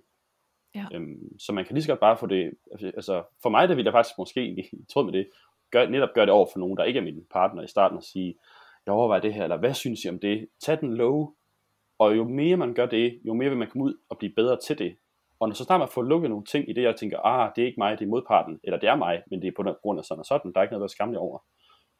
Så er den lukket, og så kan man ikke rigtig tabe den igen. Det er ligesom at lære at cykle, tror jeg. Så har man lært at cykle, og så lærer man at klatre, og så lærer man sådan og sådan. At når man først man har forstået det, og det klikker, så kommer man ikke rigtig tilbage til det aspekt igen. Så selv hvis man nu hun pludselig en dag finder en anden, det kan godt ske, så har jeg stadig de værktøjer, jeg har lært i mit parforhold til hende med en anden, en anden gang. Mm. Mm. Så hun tager ikke alle mine følelser med sig, og sådan, hej hej, jeg har tabt det. Hun har gjort mig klogere på mig selv. Mm. Ja. Altså mm. tror jeg i virkeligheden også, at øh, det er Julie, du beskriver for dit forhold, at man bare snakker åbent om det, sådan, åh, øh, ej, jeg var lige, øh, ham, øh, ham tjeneren der, han var godt nok, han blinkede godt nok til mig, og det var lidt frækt, eller et, altså sådan det her med, at man bare taler åbent om det til parforhold, inden man gør mere, altså nu øh, ligger jeg ikke op til, at I skal øh, åbne jeres parforhold, men, men den øvelse øh, som partner, tror jeg egentlig, har været meget tryg. Altså det var også det, Alex og jeg startede med at gøre. Bare have sådan en helt åben samtale om, hvad er du egentlig til, eller hvad vil du egentlig synes var fedt og sådan noget. Mm. Ja. ja. Ja, jeg har egentlig også før anbefalet, at man kan prøve, og hvis man nu at man gerne vil ud på det der eventyr sammen og mærke, hvad det gør ved os, altså man kan jo også tage hinanden i hånden og så besøge en svingerklub eller noget i den dur, og så netop, altså det er jo en aftale om, lad os tage ned og kigge og være nysgerrige, vi behøver ikke have sex med hinanden eller lave noget med andre, men vi kan gå ned og få en drink og så snakke med nogle andre mennesker, ikke? Altså sådan at mærke, hvordan er det egentlig for os øh, at stå her sammen, og så på en eller anden måde implicit, vi gør ikke noget, men vi stiller os faktisk til rådighed, fordi vi bevæger os ind i det her miljø sammen øhm, og man ikke behøver at gøre mere end det. Så, så det er jo også, altså sådan, det, det var i hvert fald noget, jeg tænkte, jeg ville prøve at tage med i dag, fordi at det kan virke rigtig fint for nogen, Øh, også fordi man står der altså i samlet front, og det kræver jo også alle de her gode samtaler, inden man gør det. ikke. Øh, hvad er min grænse? Hvad har jeg lyst til? Hvad får jeg svært ved? Jeg tror, at det er svært, hvis at nogen viser, at de har lyst til dig, eller jeg vil få det svært med at få lyst til nogen, og du var der. Og sådan. Altså, det er jo virkelig, altså, måske også bare starte derhjemme imaginært og forestille os, at vi står hernede, ikke? og skal have de her samtaler om, hvad det gør ved os at stå der, og hvad vi kan blive ramt i, og hvad vi har usikkerheder omkring det. Ikke? Øh, men det ved jeg ikke, om det måske, altså det kan også være det totalt sidespor, ikke? Men altså er det noget, I har prøvet eller dyrket eller været nysgerrig på? Er det noget, I vil anbefale måske, altså derfra, hvor I står med den erfaring, I har? Ja, øh, jamen det er sjovt, du nævner, for det var faktisk også noget af det første, vi gjorde. Jeg håber, det er okay, at sige det, Alex. øh, men at, ja, ja, ja. jeg kan huske, at, øh, at sådan helt tidligt, der hvor Alex og jeg datede, der, at man stiller hinanden en masse spørgsmål, og så var der en eller anden dag tilfældig, jeg bare var sådan, hey, har du egentlig nogensinde været i svingerklub? Og Alex var sådan, ja, ja, det har været masser af gange. Jeg var sådan, nå, øh, jeg var egentlig på vej ud af døren, men lad os lige snakke om det. øh, øh, men så tog vi nemlig derned, øh, og der kan jeg nemlig huske, der havde vi nogle rigtig gode indledende samtaler, hvor jeg sagde, jeg ville synes, det var enormt ubehageligt. Plus jeg stod alene dernede, hvis Alex nu for eksempel på toilettet, eller ja. et eller andet. Altså sådan, jeg havde det sådan lidt, hvis vi er dernede, så vil jeg så gerne have, at vi går rundt sammen hele tiden, fordi jeg øh, ved ikke, hvordan det er. Jeg føler, at jeg går ind i sådan en stor, sort boks, og så kan alt ske. Øh. Der er lige brug for, at vi holder lidt sammen. Øh, og det gjorde vi så. Og så havde vi nemlig nogle super gode snakke, og det var super chilleren. Øh, og så har vi været der en del gange sammen, men vi har aldrig haft sex med andre, mens vi har været dernede begge to, så vidt jeg husker. Mm. Jeg har i hvert fald ikke haft sex med andre end Alex. Men så, du ved, i starten, der havde vi bare sex med hinanden, og så begyndte vi også at have sex foran andre. Øh, og det var øh, super fint. Og så har Alex så efterfølgende været dernede nogle gange uden mig. Ja. Øhm, men ja, jeg vil faktisk sige, at øh, det var, for os var det en meget god måde at starte det på, fordi det også ligger op til de her samtaler, og det er en måde, hvor man kan være i en seksuel oplevelse sammen og med andre, øh, men på en måde, hvor man ikke nødvendigvis overskrider hinandens grænser, og der er hele tiden mulighed for, at man kan bare gå. Altså, ja. Øh, man kan jo bare sige, ved du vi kører sgu hjem nu, fordi det bliver sgu lidt overvældende. Ja. Og så er det sådan, det er. Ja. Øhm, og så synes jeg også, en anden, altså en, en bonus, som jeg ikke havde regnet med at uh, tage svingerklub, var, at jeg fik det meget afslappet med min egen krop og min egen seksualitet af at være der. Det var ja. meget, øh, det var virkelig fedt. Jeg prøvede at sige det til nogle af mine veninder, der har øh, nogle gange bliver meget kropsbevidste, når de har sex, at sådan, ikke at de nødvendigvis skulle gøre det, men at det var i hvert fald noget, der hjalp for mig. Ja. At, øh, jeg kunne mærke, at det var nogle af de første gange, hvor jeg sådan i lang tid kunne være nøgen, eller kunne iført undertøj foran rigtig mange mennesker, jeg ikke kendte, og så bare glemme alt om, hvordan jeg så ud. Og så bare sidde og hygge mig. Altså det var enormt rart egentlig. Ja, for det er jo også det der med, at energien smitter, ikke? Altså hvis man sætter sig selv i en setting, hvor der er så mange mennesker, som har det rigtig fint med deres egen seksualitet, og den der seksuelle energi, og, og gå med deres krop på den måde, som de gør, det smitter jo på en eller anden måde, ikke? Altså sådan, man, man kan godt mærke, mm. nu får jeg det faktisk også Altså, og det er jo ikke fordi, man går, det er jo ikke den der sammenligning, ej, jeg ser også pænere ud, så derfor kan jeg have det godt med mig selv, men det der, wow, du udstråler, du har det godt med dig selv, så det kan jeg også gøre. Altså sådan, det er mm. den, der, den der ro, der kan komme over en, når man er i den der setting. Men det er, næsten, det er måske næsten et helt andet afsnit. Det kan være, I skal med på ja, det. Ja, det, det. svinger afsnit. Ja, fordi, øh, fordi det var simpelthen en, øh, det var bare lige en ting, jeg ikke havde regnet med at få med også. Ja. ja, men du var ret det et andet afsnit. Ja. ja. Jeg sidder med et sidste spørgsmål, inden vi skal runde af. Mm, kom med det. Og øh, det er faktisk et spørgsmål, der er kommet øh, fra en af lytterne inde på Instagram. Og øh, det er spørgsmålet om, når nu man er i et åbent parforhold, og man så begynder at møde nye, altså andre potentielle partner, hvordan informerer man dem om, at man er i et åbent parforhold, sådan så de ligesom er orienteret om, du skal bare lige vide, at der er også en anden. Ikke? Øh, hvordan gør I det, Alex? Det er, spørgsmål, Eller hvordan gør du det? det er spørgsmål, jeg faktisk har haft op med Malu her for nylig, øhm, fordi nu har haft mit studie, og det har lige været eksamensperiode, og, øhm, og det er stadig sådan en ting, hvor det er som så mange andre ting, altså jeg har ikke noget, nogen grundregel eller regelsæt for det. Jeg havde engang en Tinder, hvor det bestod på forsiden, og der var ingenting, og jeg hørte det fra andre mænd, også faktisk fra nogle af Malus partner, hvor det var sådan, det får ikke noget ud af. Og det har ikke noget at gøre med, at det ikke er acceptabelt på den måde, det har bare noget at gøre med, at det, altså, det du skriver ind på en profil for eksempel, det er jo det du er, det er den flade du er. Jeg kan også godt skrive, at jeg er 3 meter høj, og så ved, om det er ham, der er 3 meter høj. Øhm, så, så bliver det en ting på den måde. Så det, det har jeg undgået efterfølgende. Og jeg har så egentlig også undgået Tinder for det meste efterfølgende, fordi det er ikke... Det, det er lidt en... Det føler ikke rigtig... Jo, det kan godt føre til noget, men det er bare fedt at møde folk i virkeligheden, og så tage i byen, og hvad mm. jeg... Øh, eller være medlem af en forening, eller jeg møde folk ude, hvor de rigtig er selvfølgelig. Mm. Øhm, så det svinger rigtig meget af mit, af mit svar på det. Øhm, fordi hvis jeg, klar, hvis, jeg, hvis jeg lægger ud, altså hvis jeg siger til en potentiel fremtidig partner, du skal lige vide, at jeg ved ikke hvordan det lyder, når at man er, man er en del af en minoritet på den måde. Øhm, jeg tror måske på, at det kan ændre sig. Jeg tror på, at det bliver mere almindeligt i fremtiden. Sådan, men pt. er det jo stadig sådan en, jeg ved ikke hvilken gruppe jeg står i, når det er sådan, at man siger det. Mm. Øhm, så jeg vil også godt højst synligt kunne møde nogle andre mennesker, hvor jeg kan mærke på dem, at det er ikke noget problem det her. Altså hvor de er meget åbensindet, øh, og det er generelt også mennesker, jeg tenderer til at skulle tilbringe min tid sammen med. Det er ikke særlig konservative mennesker. Øhm, det er bare ikke den type, jeg graviterer imod. Øhm, så det vil ikke være, altså, det er for det meste typer, der kan sige, så går jeg det og det, og så siger de noget helt sindssygt, og så fortsætter de sådan, og så havde jeg ikke mere mælk i køleskabet, hvor jeg sådan, sagde du lige det? Og så ved man, okay, det, altså, deres, deres værdi er et andet sted, som er fedt, fordi de, de har mindre, mindre skamfulde personer, tror jeg, jeg bedst kan lide at tilbringe tid sammen med. Øhm, og den anden ting er, hvis jeg så får sagt det på en måde, det er ikke sket det her, men jeg kan forestille mig, hvis jeg får det sagt på en måde, hvor det ikke tynger så godt, så tager man jo samtalen derfra, og så vil det ofte igen være mm. modparten, der har sådan en, åh, det er godt set, ja, så er jeg selv på den måde, og tror du, jeg kan tale med ham om det, fordi jeg har bare så følelser for en anden PT og noget. Og så lader man hinanden, hinanden at kende i det, så det er også en sjov øvelse til at skulle sige, hvor er det man, det er jo hele en øvelse i, hvor er det man selv står i verden. Mm, ja. Og være forberedt på, at man kan få en afvisning i det, ikke selvfølgelig. Ja, selvfølgelig. Men sådan, øh, nu ved jeg godt, at det her det bliver et meget sådan øh, sort-hvid spørgsmål, og det skal det egentlig ikke være. Så lad os prøve at nuancere det lidt. Ikke? Men sådan, hvornår i mødet med et nyt menneske øh, kommer den åbning til ligesom at snakke om, at der er også en kone derhjemme, og, øh, men jeg er også meget interesseret i dig, og har du lyst til noget? Ikke? Jeg kan godt starte ud med den. Skal jeg det, Malou? Mm. Ja. Øhm, jamen, min første indskydelse, så det må være rigtigt, øh, vil være, at jeg forestiller mig, at jeg sidder et sted og har en samtale med en kvinde, som jeg tænker, øh, har den der spark, man kan mærke det. Øhm, og det kan også være anden eller tredje gang eller fjerde gang, hvad ved jeg, men man har den der, hvor man tænker, at det her det er noget mere end bare venskabeligt. Lige der tænker jeg, sådan lige før kys, eller hvad ved jeg, lige før man får det cementeret på en måde, der skal det ske før det, fordi så er man ude noget, hvor man, det er også det, hvis man ikke får det sagt, det er jo stadig, man laver stadig en aftale, selvom man ikke får det sagt, det er jo det, der er problemet. Så mm. hvis, hvis, hvis jeg er hende så i det her tilfælde, øhm, kysser, hvad ved jeg, så er det noget andet, for nu går vi fra, at vi bare er fremmede til venner, til at være, man, det gør man ikke bare, men det det er jo, man lægger noget emotionelt over på hinanden, og man deler det selvfølgelig.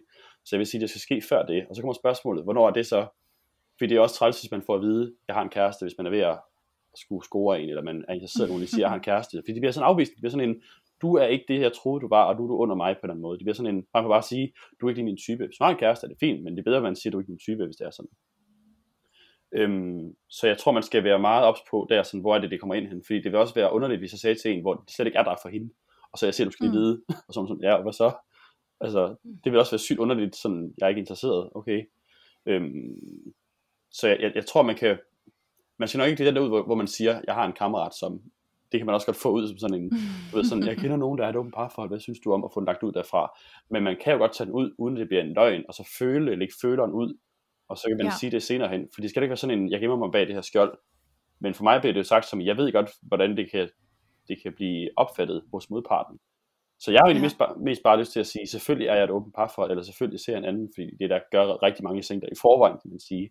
Det er bare fordi, man ikke har sat alle brikker på sort, at man så siger, at du skal lige vide, at jeg ser en anden, fordi uh, det er stadig nyt, og der er der mange, der er dater i dag, som er single, der dater fire eller fem, fordi jamen, man vil ikke føle sig ja. alene, at man har nogle spillebrikker. Det er helt ærligt, der er ikke noget underligt i det det er bare ikke noget, man lige siger på første date, vel? Det er ikke sådan en, du skal lige vide, at for så bliver man sådan, hvorfor siger du det, og, og eller skal vi konkurrere om det, eller hvad det er, det er, det er ikke det, det handler om. Mm, øhm, så tag det lidt på føleren, og så have nogle andre samtaler, og mærke sådan, hvor person, ligger personen henad. Og så kan man godt bagefter komme og sige, hvis personen er åben nok, og så, så kan personen også sige til mig, hvorfor har du ikke sagt det noget før? Og så kan jeg sige, men det er fordi, jeg tænker, at, det, at, at man kan blive mødt af det her udefra. Så det er et hensyn, man tager. Men det er også der ærligt. Der er ikke noget, at skulle være bange mm. for der. Nej. Jeg bliver også lidt nysgerrig på, om du har været i en setting, nu kommer det jo også an på, hvordan du åbner den over for den kvinde, du står overfor, men har du været i en setting, hvor, at det, øh, hvor du har nævnt det, og så har kvinden, du stod overfor, troet, at du var i et monogam forhold, hvor du var i gang med at prøve at være utro? Ja. Okay. Ja, øhm, ja. Jeg kan ikke huske, om det var efter jeg fik, så jeg kan ikke huske den samtale, jeg har haft, altså, altså, øhm, altså under fire øjne, men jeg mindes at kunne huske noget med, jeg tror det var efter min, min Tinder, hvor jeg fik det væk, hvor jeg så igen begyndte at få matches og sådan, og så blev det sådan en, så skal jeg jo få det ind på en anden måde. Jeg kan ikke bare, altså også hvis man har længere samtaler.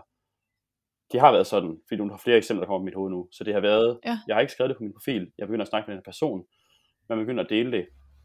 Og så går der ofte noget tid, det vil sige, at man kan have nogle samtaler, man har en besked den ene dag, der går en dag, folk har travlt med deres liv selvfølgelig, så går nogle, nogle dage, men man kan se det der flow, det kører, det stopper. Men de svarer altid tilbage. Jeg har ikke oplevet, at nogen der sådan har blokeret mig noget, eller, eller, eller slettet mig. Men så bliver det sådan en, det har jeg hørt om, og det folk har næsten altid hørt om det, det er det sjove ved det. Mm. Det er ikke sådan en, og, og, og har også, ofte har måske haft nogle bekendtskaber, altså nogle venner, der har måske har overvejet eller, eller prøvet det. Øhm, og så bliver det sådan en samtale derfra, og så bliver det faktisk sådan en meget objektiv samtale.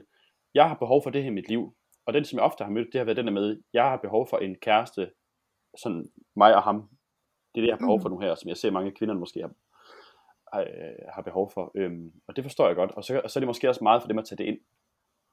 Ja. Øhm, jeg er mest blevet mødt med en positiv indstilling for dem, som har haft et langt forhold, øh, hvor de virkelig har haft det der kærlighed, eller de troede, det var noget, og så har de, efter de har fået den altså, proces bearbejdet, og de er over det, altså de virkelig, altså, they're, they're, they're through, de, de er over det, det er overstået, øhm, så kan de ligesom åbne op, øjnene op igen og sige, nå, men jeg har fået det her, nu er jeg mere opmærksom på mig selv og min egen behov, så de startede til yoga, de startede til det, de begynder at dyrke det her, og måske også styrke deres krop på en anden måde. Øhm, så, så, så det med den der emotionelle stabilitet, skal der ligesom også øhm, ligge i det. Og jeg er også selv opmærksom på, hvis jeg møder nogen, der sådan er, ej det er pisfedt, øhm, mm. eller, eller lidt for, for keen. Jeg har også haft en partner for nylig, som var meget keen, og som var inde i det også selv.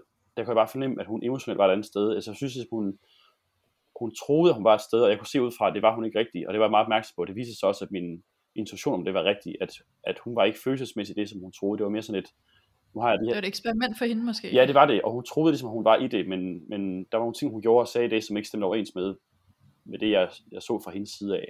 Og så valgte jeg så at afslutte det, fordi at jeg synes, at hun, hun blev påvirket af det på en anden måde. Altså jeg sagde 1-2, og så sagde hun OB blå. Altså det, er sådan. Okay. det, det, det gav ingen mening. Så for hende var hun egentlig glad for det, men jeg var sådan, udefra, nu, nu er jeg altså den, den voksen her, så at sige. Og så cutter jeg det her, fordi sådan og sådan. Ja. Mm. ja. Okay.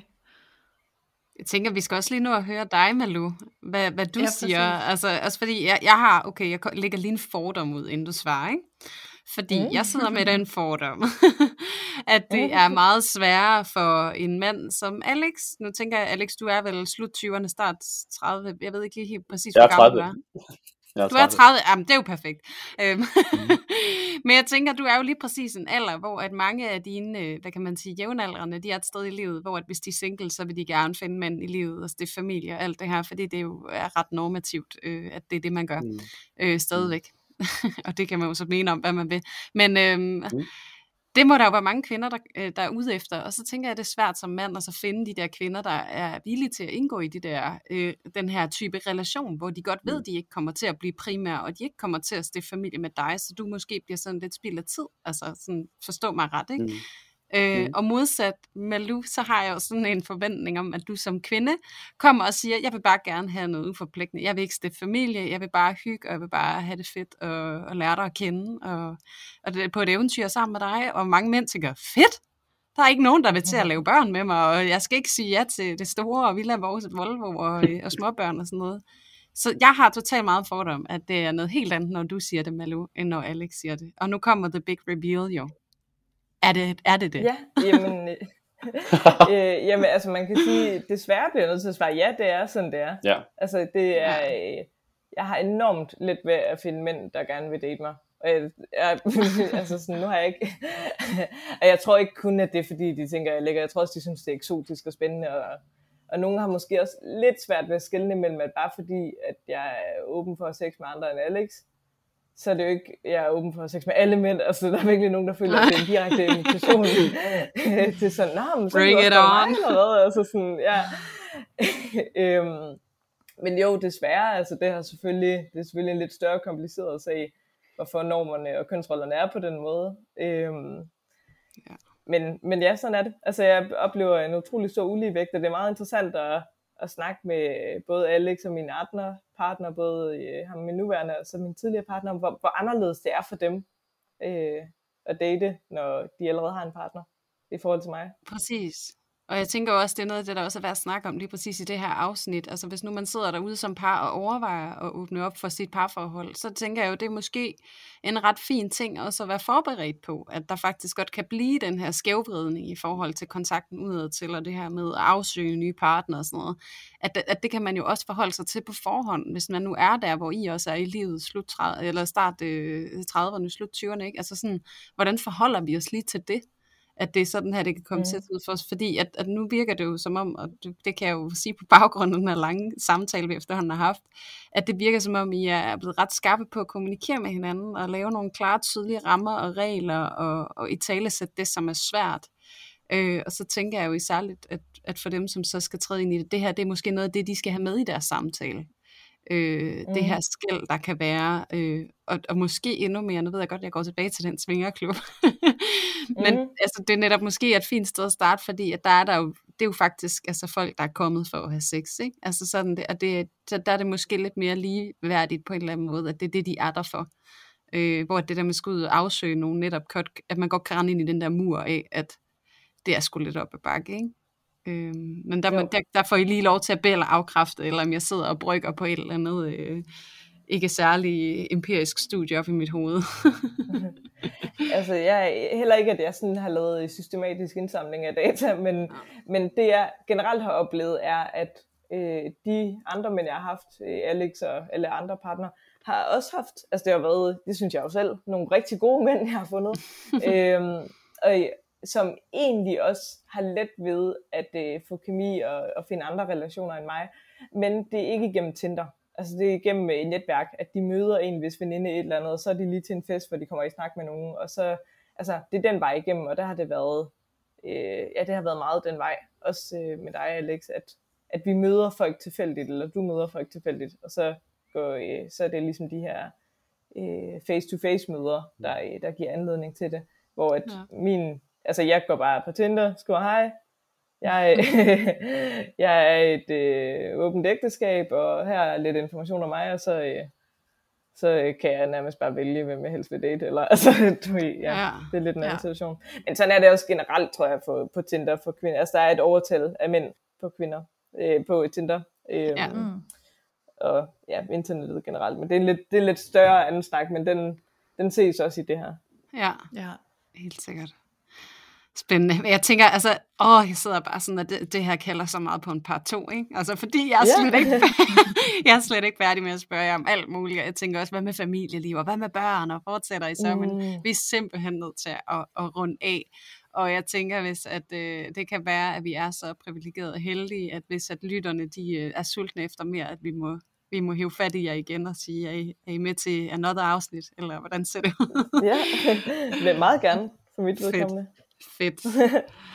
øhm, så tænker jeg egentlig, vi er nået dertil, hvor jeg bare lige vil sige tusind tak, Alex og Malou, fordi I gad at være med og give os et fantastisk indblik i det her åbne parforhold og afmystificere det, ikke mindst.